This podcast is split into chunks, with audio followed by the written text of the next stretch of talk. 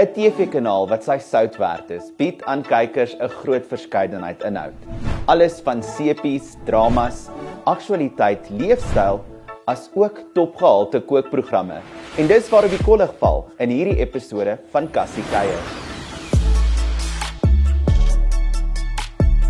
Aanhangers van kookprogramme val tipies in twee kategorieë.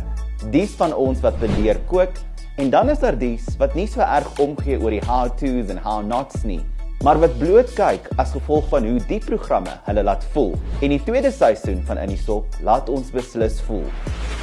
So ek wens regtig vir vir en Menaat alle sukses toe. Hulle is goeie mense. Dit wys jou dat almal kan op 'n stadium sukkel maar almal kan hulle self weer optrek.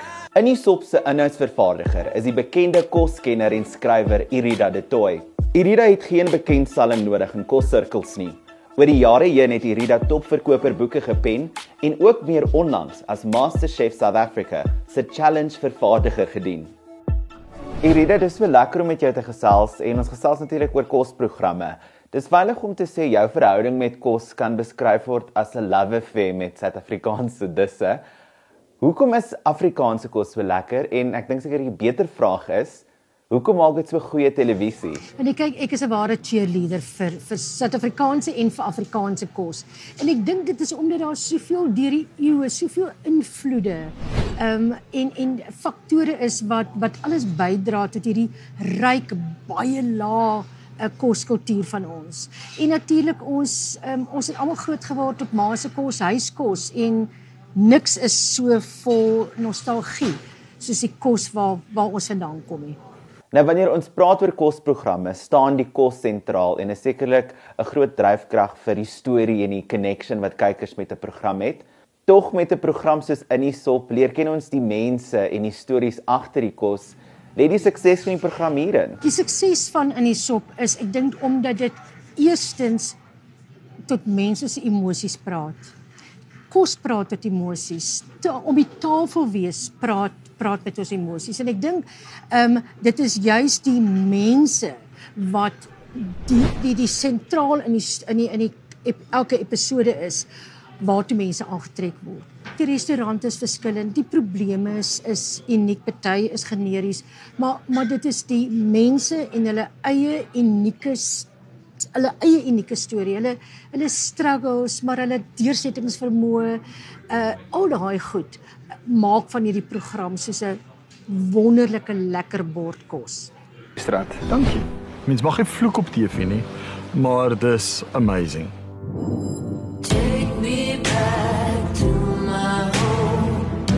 Kyk in in die sop is 'n realiteitsprogram. So dit wat die kyker sien is is is is werklik. Dit is nie gefabriseer nie, maar agter die skerm is daar tog daai daai voorbereiding, die die die feit dat as jy nou dink aan Bertus hulle wat kom met 'n nuwe spyskaart.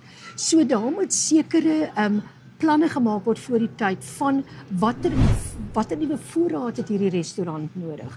Wat moet ons inkoop? Uh by watter verskaffers gaan ons dit kry?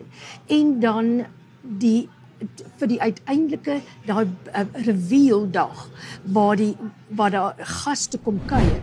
Daai dag se voorbereiding begin al ure der ure voor die tyd ehm um, met prepping soos wat dit in 'n werklike restaurant sal gebeur wat die wat al die bestanddele reggesit word, al die vooraf kap en skil in in in rasper, al daai goed word word gebe, gebeur natuurlik nou voor die tyd. So ja, teen die tyd wat die kos op die tafel kom, is daar al mense wat baie bloed, sweet en trane ingesit het. Televisiekookprogramme kom al dekades met kyknet en ons het al alles gesien kookkompetisies, bakkompetisies, aanhouskeiers met bekendes en selfs die jong klomp wat hulle kans in die kombuis waag. Die wenner van Kokkedoortjie is Edwin. Maar hoe het die TV-landskap rakende kosprogramme oor jare verander? Kyk net aanbieder Chef Tian kyk terug na 'n dekade sedert sy Kokkedoor wen in 2013.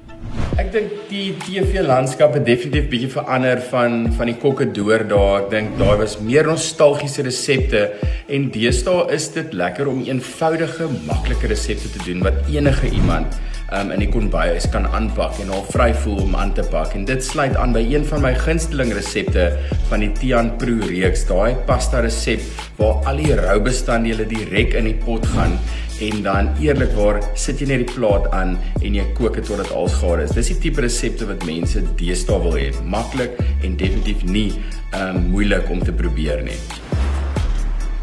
Nou as 'n mens na 'n reeks soos in die sop kyk, kan 'n mens ook uh, dit as 'n tipe steekproef gebruik uh, oor hoe ons restaurantbedryf vaar, veral na die Grendeltydperk. In jou opinie, hoe vaar ons in hierdie verband? Wanneer ons na die restaurante kyk, kyk jy natuurlik na die individuele restaurant en daai is betrokke episode, maar jy moet ook kyk na watter storie vertel soos in reeks 2 oor 12 restaurante heen.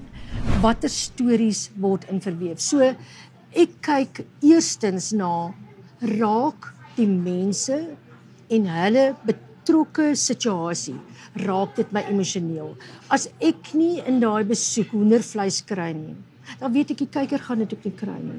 Jy kan nie stories opmaak nie, jy kan nie probleme opmaak nie, jy kan nie die dinamika tussen byvoorbeeld 'n ma en 'n seun wat saam 'n restaurant het of 'n vrou wat al vir jare self moet probeer om 'n om 'n om 'n koskaravaan aan die gang te hou.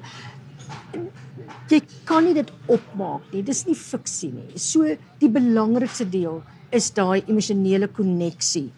Dan moet jy ook kyk na wat is die kans vir oorlewing op hierdie restaurant?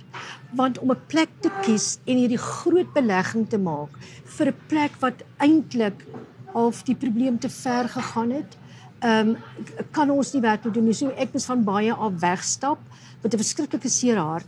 So dis 'n baie opwindende proses, ehm um, en al kan 'n mens nie ander almal help nie. Glo ek ook dat met elke individuele episode in elke restaurant leer iemand in die gehoor iets. Ehm um, hulle kan hulle self identifiseer met die mense as hulle self 'n restaurant het of self 'n klein klein besigheid het.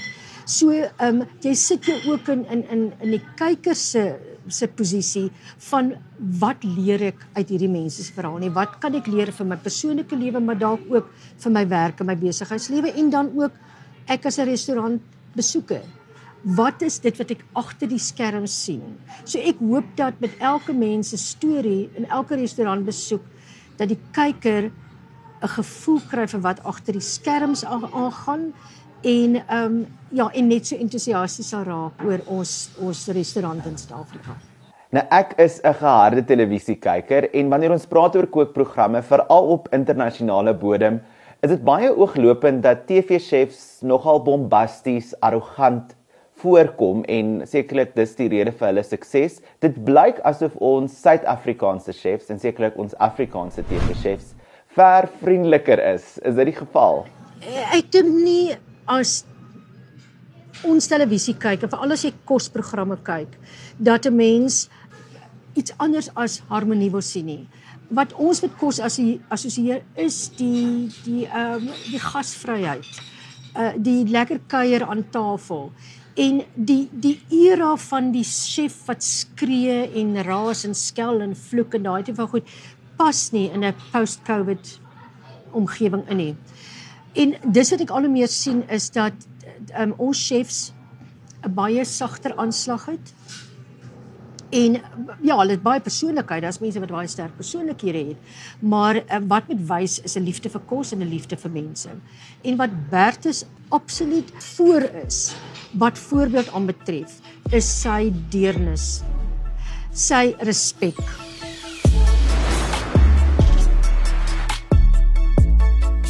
Wat jou gunsteling kyk net kosprogram? Laat weet vir ons in die kommentaarboks hieronder. Dan maak jy ook seker jy's volgende week ingeskakel want ons vier jeugdag met die akteurs van Arends Live.